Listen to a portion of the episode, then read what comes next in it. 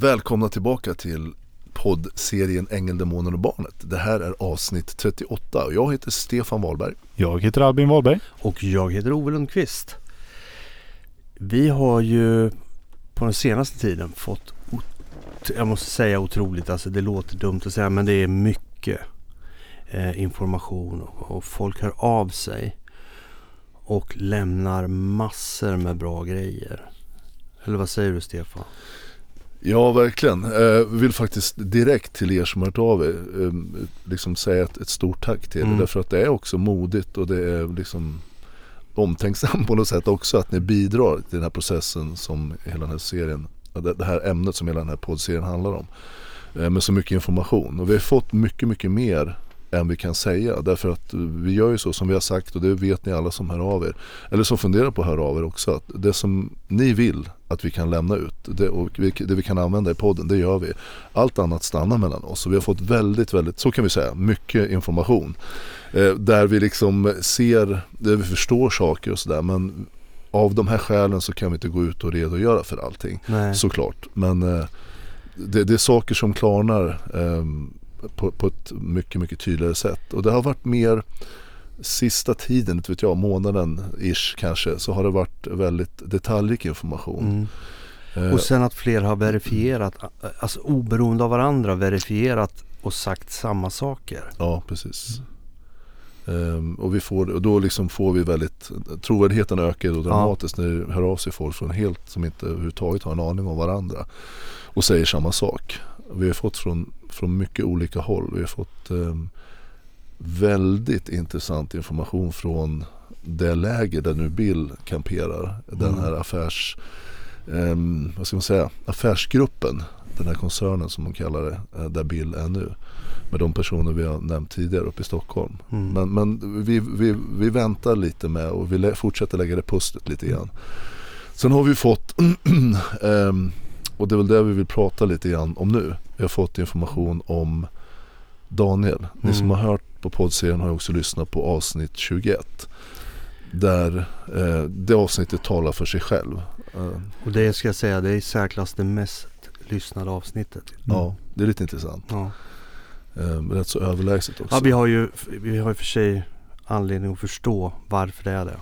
Mm. För det är ju det är ett intressant avsnitt. Ja, och det är en viss grupp av människor mm. som har lyssnat ja. ganska mycket på det. Och det är ett jävligt allvarligt ämne mm. eh, faktiskt. Um, som tas upp där. Eh, när en man eh, i den positionen som Daniel Elkvist är i. Som polisman. Sitter och gör det han gör. Mm.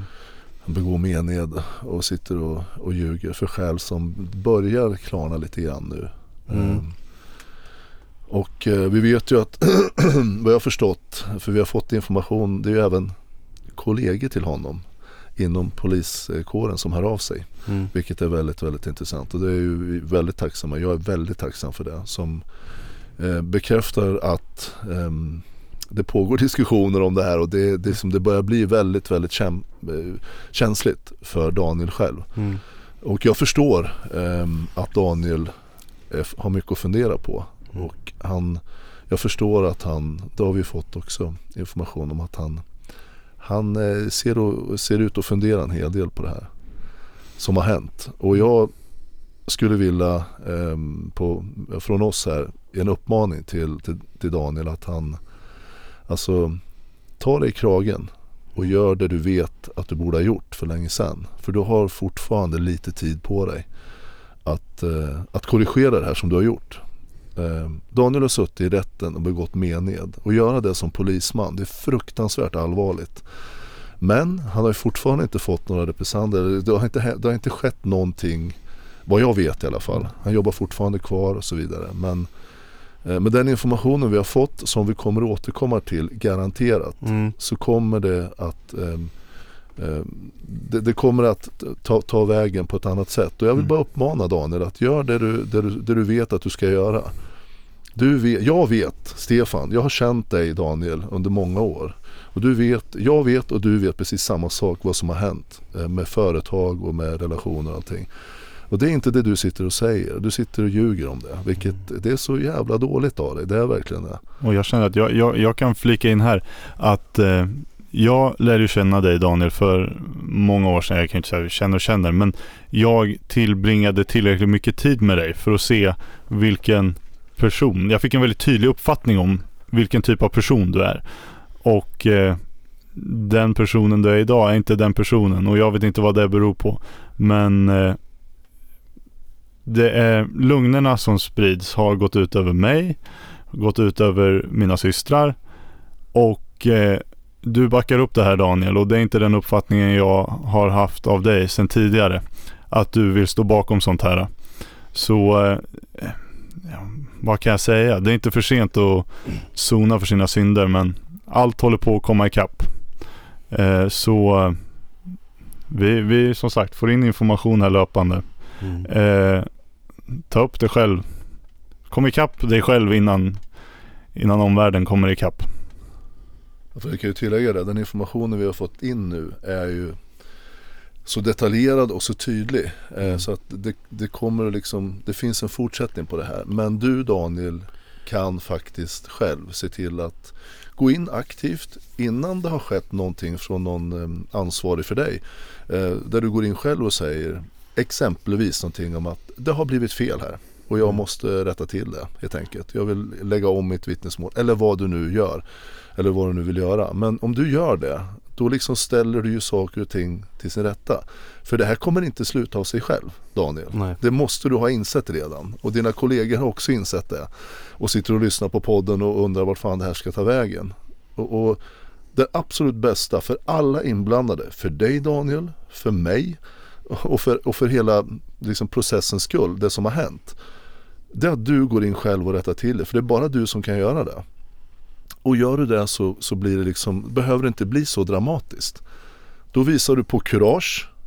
Du visar på ryggrad. Och man kan faktiskt göra fel. Även, även polismän är ju människor, man får inte glömma bort det.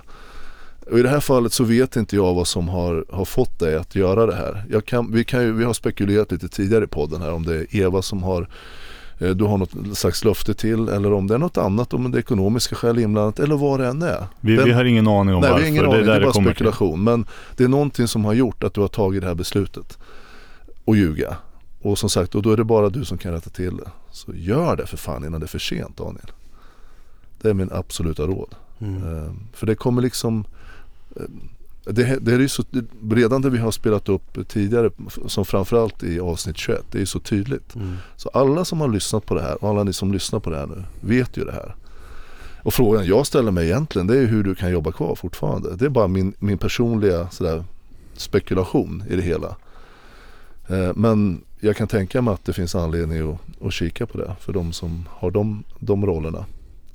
Man får bestämma vad man står för i livet. Och, eh, jag kan ju citera första Fast and Furious-filmen när eh, eh, polischefen där eh, ger ett råd till eh, Paul Walker som, vad heter han i filmen? O'Connor, Brian O'Connor heter han i filmen. Han säger att allting som skiljer en skurk från en polis det är ett dåligt beslut. Tänkvärt ord. Ja. Det är tänkvärt. Som verkligen passar i sammanhanget. För det du var inne på Albin med, det är ju så att vi har ju umgåtts familjärt i väldigt många år. Innan det här liksom drog igång hela Mm. soppan med Eva och sen så bara tog det fart med innan lavinen gick. Och vi har haft det jävligt trevligt. Men Daniel har ju varit med många gånger och med din Ja, lillebror har varit med också. Det, vi har haft jätte, jättetrevligt. Han har haft hand om honom själv och sådär, varit lite barnvakt. Och det har, vi har ju bara, bara bra intryck av Daniel. Och att, han, att det finns en bra människa i Daniel, det tror jag ingen, Det är inget eh, ingen tvivlar på. Men som sagt, det är ju de besluten man tar eh, som avgör vad man är för person framöver. Och när man gör en så pass allvarlig sak som faktiskt, som du har gjort Daniel. Eh, jag, jag, jag kan jag fortfarande inte riktigt sådär kan smälta bilden när du sitter bredvid mig i rättssalen och sitter och ljuger. Alltså jag vet ju att du ljuger, det vet ju du Daniel. Jag vet ju till 100%.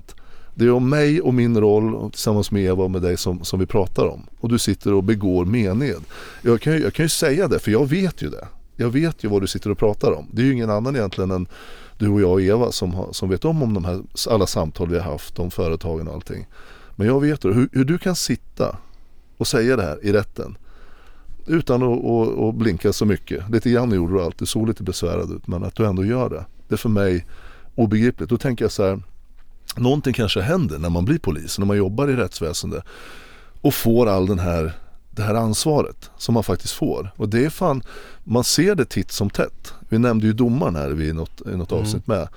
Eh, Anders Domert som, som om man, om man plockar ut bara hans sätt att prata och bara tittar på det utan, utan sammanhang så undrar man ju vad det är för, för, för, för liksom stolle som sitter och pratar. Men eh, man kan väl enkelt konstatera här att hans domarroll har stigit honom åt huvudet lite grann. Enligt mitt, in, mitt sätt att se i alla fall. Och jag vet inte vad som händer med människor ibland när de får massa makt. För man har ju massa makt som polisman. Att, att bestämma, att styra över andra och så vidare. Och, och fälla böter och fängsla allt möjligt. Och vad man nu gör för någonting. Man tar massa och det blir ju subjektiva beslut med. Men den här makten är ju ett jävla ansvar som man måste ta på största allvar och vara självkritisk hela tiden. Så jag vet inte vad det är som har gjort att, att du har förändrats så pass mycket som så du kan göra det här. Men någonting har hänt. Ta dig kragen för fan och rätta till det. För annars får du leva med det här resten av livet. Och jag, jag kan inte tänka mig något annat än att det kommer bli jävligt jobbigt för dig. Jag tycker om att sova om natten och jag skulle föreslå för att du kan göra det också framöver i resten av ditt liv. Så rätta till det här för fan. Mm. Gör det. Ja. Mm. ja. Lite om det. Lite om det ja. Och vi återkommer definitivt ja, om det här. vi har, vi har information också. Det är för tidigt än så länge. Ja, som, Måste... vi inte, som vi inte har tagit upp och inte pratat om. Mm. Det kommer men eh, inte nu. Jag har en liten fundering från förra podden, mm. Ove. Um, jag vet att du pratade lite grann innan vi startade podden. Att du ja. hade berättat lite grann och din fru har ju faktiskt lyssnat på den podden. Just kan du inte berätta lite om det? Ja. För det är faktiskt folk som har hört av sig också med liknande ja. situationer och varit väldigt tacksamma för att vi, du gjorde podden. Vi pratade lite grann om den här anhörigsidan och så här i efterhand sen så har ju jag Jag tänker mer på de anhöriga än på mig själv om jag ska vara ärlig. Därför att just vad det gäller mig då så det, blev, det gick så jädra fort att jag fick åka in med ambulans. Och min fru trodde att jag skulle få syrgas och sen komma hem igen. Men eh, jag pratade faktiskt med henne senast idag om det här. Eller hon pratade om det. Det var en grej som hon faktiskt ville rätta mig för att jag inte egentligen visste. Jag kände till samtalen men inte tidsintervallet på det var. Jag sa ju att det tog ganska lång tid innan hon fick eh, kontakt med sjukvården. Och det stämmer. Jag åkte in klockan 11 med ambulansen och eh, klockan 5 så hade hon inte hört någonting fortfarande. Hon ringer till sjukvården och blir slussad runt på olika avdelningar innan hon får tag på en sköterska, en manlig. Och den sköterskan eh, kan ju då, då, då inte säga någonting, får inte säga någonting har inte befogenheter för det. Men säger att jag ska se till att en läkare ringer dig snabbast möjligt. Och klockan går och klockan blir 11 på kvällen. Ingen läkare har ringt. Så hon ringer tillbaka och försöker få tag på någon i ren panik. Pratar med samma sköterska igen. Och eh, får då, eh, eller den här sköterskan säger men vad säger du, är det ingen som har ringt dig än? Nästan lite så här what the fuck känsla. Och den här personen känner ju då att jag måste i alla fall ge någon information för ingen har hört av sig. Och berättar att jag ligger då i respirator och att läget är kritiskt. Det är inte så kul att få veta när man ska gå och lägga sig och sova sen. Klockan 11 på kvällen. Nej. Så hon hade ju ingen rolig natt. Så dagen efter så åker hon till sin syster som jobbar inom vården och har koll på hur vägarna går. Så klockan ett dagen efter så ringer eh, min svägerska till, eh, in till sjukhuset och, och är förbannad helt enkelt och pratar med någon där. Under tiden, så det har gått en stund, för hon pratar ganska länge med dem på vården. Under tiden när de pratar så ringer läkaren. Den läkaren Erik som jag pratade om som eh, sövde mig och hade hand om mig. Han ringer till min fru. Och min fru är inte förbannad på honom överhuvudtaget, ingen skuld på honom utan det är bara det att det har blivit, det var så panik och hysteriskt på sjukhuset den här perioden. Det måste ha varit som en krigszon kan jag tänka mig. Så att de gjorde allt de kunde för att liksom bara jobba undan. Så det föll mellan stolarna och jag var den som det föll emellan, tyvärr. Men han hade ett långt och bra samtal med min fru och eh, han kunde i alla fall säga så här att den här cocktailen som han hade gjort då. Eh, det visade sig att den gjorde det den skulle. Men fortfarande fanns det en risk för hjärnblödning men eh, den var, blev mindre och mindre för varje dygn som gick. Så. Eh, och det här då, eh, sen, just ja, det var det som hände. Sen så skulle de ringa igen, för han skulle ringa sen på kvällen den här läkaren och berätta liksom mer uppdatering på kvällen. Han ringde aldrig. Så hon sitter igen utan någon kontakt med vården. Och vad som har hänt inom sjukvården, då får hon reda på dagen efter att hela system, datasystemet har ju packat ihop. Så de, jag tror de var nästan nere i två dygn innan de fick ordning på det. För de kom inte ihåg patientjournaler, ingenting. Allting var liksom... Det var inte så lätt att hitta telefonnummer heller. Nej, så, så de hittade ju inte till anhöriga så han kunde ju inte ringa. Men de hittade ju en väg in och ringde i alla fall och fick reda på att jag låg sen, att de hade väckt upp mig och sen eh, låg jag på covid-IVA. Så det var ju, ja det var lite eh, märkligt där. Men det jag tänkte på det är ju det här vad som anhörig sitta och inte veta någonting och inte kunna, och under den här perioden inte få besöka, ingenting. Utan bara vara i ett så vakuum. Det är fruktansvärt. Mm. Det är vad jag tänker på. Att jag sen var borta, men det sa jag Jag blev nedsövd, det var mörkt och sen vaknade jag och sen mm. så kunde jag nog inte ta in allting som var runt omkring. Bara det här berättade hon sköterskan som satt bredvid mig och så, så mm. smekte på kinden och säger välkommen tillbaka. Det var inte så, vad ska jag säga, jag var mera, jaha okej, var är jag någonstans? Det var väl mera det här var Du hade ingen uppfattning om vad som hade hänt? Nej. Så, men långt efter sen så blir jag alldeles rörd i tårar när jag tänker på det där liksom. Det är ju, då fattar man ju sådär i efterhand. Innan förra podden, innan vi startade den så berättade du lite bara snabbt om det här. Ja. Då, då var det ju faktiskt tårögd ja. därför att du var, det, kom, det kom över dig. ja, för jag har inte pratat om det på så länge. Och, då, och sen när man pratar om det här Lite grann som du gör när du berättar din historia. Man är tillbaka i stunden. Mm. Man är där i minnen. Man ser bilderna, inre bilder för, för hela den här situationen. Och det var en grej som jag berättade för er också. När man har le, legat i, i respirator så när jag vaknade upp så var jag vaken i fyra dygn. Jag kunde inte sova och jag hade hallucinationer. Något så vansinnigt med hallucinationer. Och tydligen väldigt vanligt att man mm. har det. Och det är ju inget man pratar om heller. Så. Nej, det glömde jag, jag bort att nämna. Ja. Jag tror jag sa det innan. Ja, du, du sa det till oss innan vi började ja. spela in och jag kände bara, jag aldrig hört talas om innan. Nej. Men det, det är en grej. Och alla de här hallucinationerna var förknippade med döden på ett eller annat sätt. Okej, okay. ja. vad, hallucinerade Nej det var mörkt alltså, ja. det var, nej, det var otäckt. Ja, mm. ja det är skit Ja.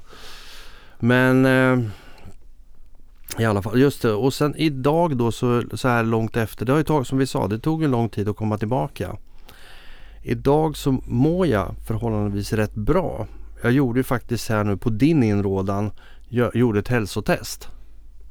Och eh, gjord, kör, körde en sån här eh, plus extra, vad det mm. var, de tar allt.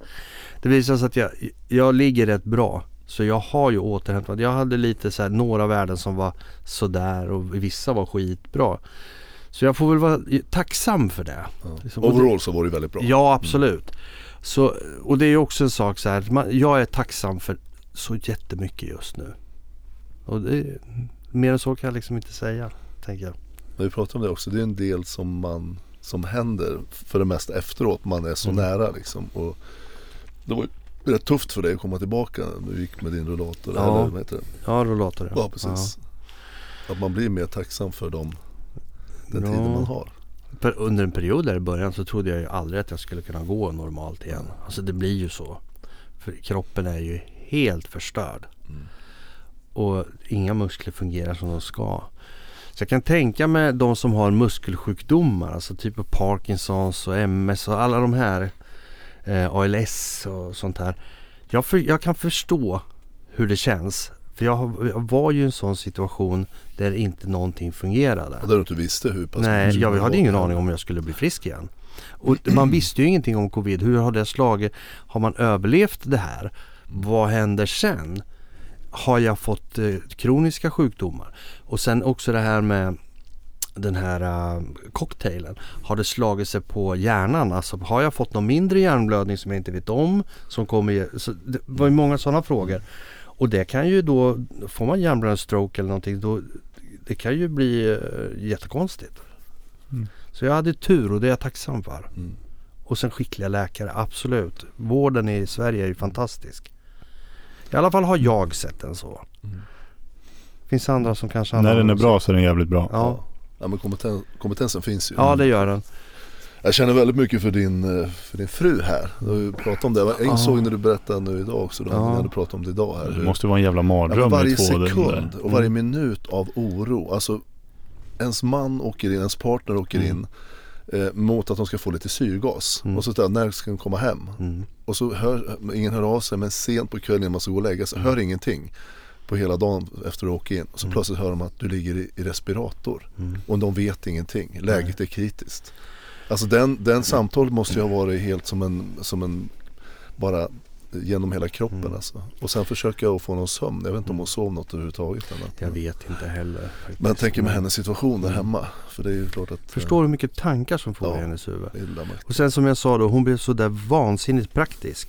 Och började fixa grejer och ordna.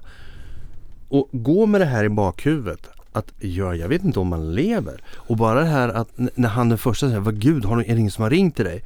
Alltså skulle Mm. jag få det svaret då skulle jag säga, va? Har han dött? Ja, Är det ingen som har berättat det Mm. för dig? Det låter ju nästan lite så. Mm.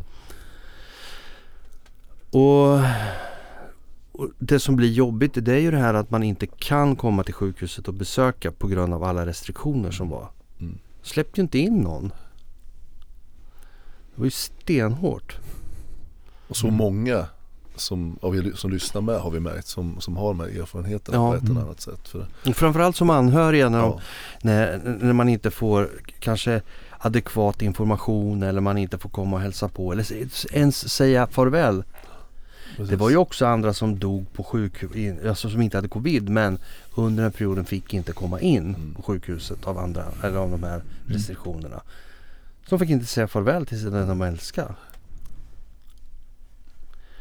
Ja, Ja, det var ju väldigt Ja. osorgligt. Det var ju många som gick bort under den tiden när du låg inne Mm. också. Ja, det du var hade det. ju tur att du hade den här läkaren som gav dig den här lite Mm. försökscocktailen av, av Mm. blodförtunnande. Ja. Det var ju då man började komma på att det var det Ja. man skulle göra. Det var vi inne på lite förra avsnittet Ja. där att det var, Men, eh, allt var ju så experimentellt. ja. men Och- liv, livet är så skört då när man Ja. liksom Mm. kommer Då märker man hur Mm. snabbt det kan vända Mm. faktiskt. Ja, Ja, intressant. Men ska vi, ska vi nöja oss här? ja jag Och tror vi gör så, det. Jag känner det. Så kommer vi igen nästa vecka. Ja, för vi har Ja. väl sagt det vi behöver säga idag i alla fall. Och sitter ni, återigen vi har sagt det förut, men sitter ni och funderar på om ni har information eh, som ni vet kan vara nyttigt för oss att att veta för att lägga det här pusslet som vi gör nu. Det är Mm. ett stort pussel. Det är många, det har Ja, tagit det blir liksom många, Pusslet blir Mm. faktiskt större. ja det har tagit fart många småpussel som har liksom ja. utkristalliserat sig i det här. eh, Där vi, där vi har kommit väldigt långt. Men så, Mm. vi vill verkligen ha så vi vet vad vi pratar om innan Mm. vi går ut med det. Och framförallt er tillåtelse ni som ringer. Men, Mm. men Mm. hör av er, gör det. Mm. Eh, Jag personligen och vi alla här, men jag personligen uppskattar det jättemycket. Det är ofantligt värdefullt. Ja det är det verkligen. Alltså jag kan i, inte, ingenting är viktigare än eran integritet för oss. Så Nej. ingenting kommer komma ut om ni inte själva vill det. Mm. nej precis. Och ni som har berättat saker för oss vet att vi inte har tagit upp det. Så ni är ju trygga Ja, i det här. precis. Och det är ju så, det, det här ni som har varit med från början också, det har ni som flesta som lyssnar på det här avsnittet med. Ni vet ju hur det här har drabbat mig och inte bara mig utan min familj. Mm. Och i princip många runt omkring. Många som sagt är mina vänner som inte hör av sig idag. De svarar inte när jag ringer. Så fast vi har varit jättenära vänner Mm. som jag vet har haft kontakt med Eva till exempel. Eller med Bill. Och de här allt, allt det som har pågått här. Så för mig nu att lägga det här pusslet. Det är, liksom, eh, det är både tillfredsställande och väldigt viktigt att jag gör det. Så har ni någonting att bidra med så tveka inte att höra av er. För, och tro inte liksom att jag kommer, vi kommer tycka att det inte är viktigt. Utan jag, jag, alla som ringer eh, svarar jag eller så ringer jag upp Mm. när jag kan. Och jag lyssnar på er och jag är jättetacksam för, för att ni hör av er. finns också Ja. det här att, eh, som vi också upptäckte är viktigt. Det är när vi får verifiering på tidigare uppgifter Mm. från andra håll. Även om man hör samma sak flera gånger. Det är bra. Därför att då, då, då ökar trovärdigheten i informationen. Ja. Och framförallt när man fick det första gången. Och sen när det återkommer samma sak, då vet man, okej. det Det stämmer. ligger nog något i det. Ja, Det kan ju vara någonting vi har nämnt tidigare. Ja, men, absolut. men bara för att du ringer så kanske du, vi får några detaljer till. mm. Mm. Som inte du tänker på kanske. Så hör av dig liksom. Om Mm. det handlar bara om en som det handlar om att bekräfta något vi redan har pratat om. Så, Mm. så gör det. Jag och min familj och alla runt omkring är evigt tacksamma för det. Okej grabbar, men ska Då vi så. runda av? Det gör vi. hade du något? Nej, nej, nej. Jag, jag Så, bara... eh, vi rappar ihop här. Så Det gör hörs vi. om en Det gör vi. vecka. Sköt om er allihopa. Dunder. Hej då. Ha det Hej då, gött. hej.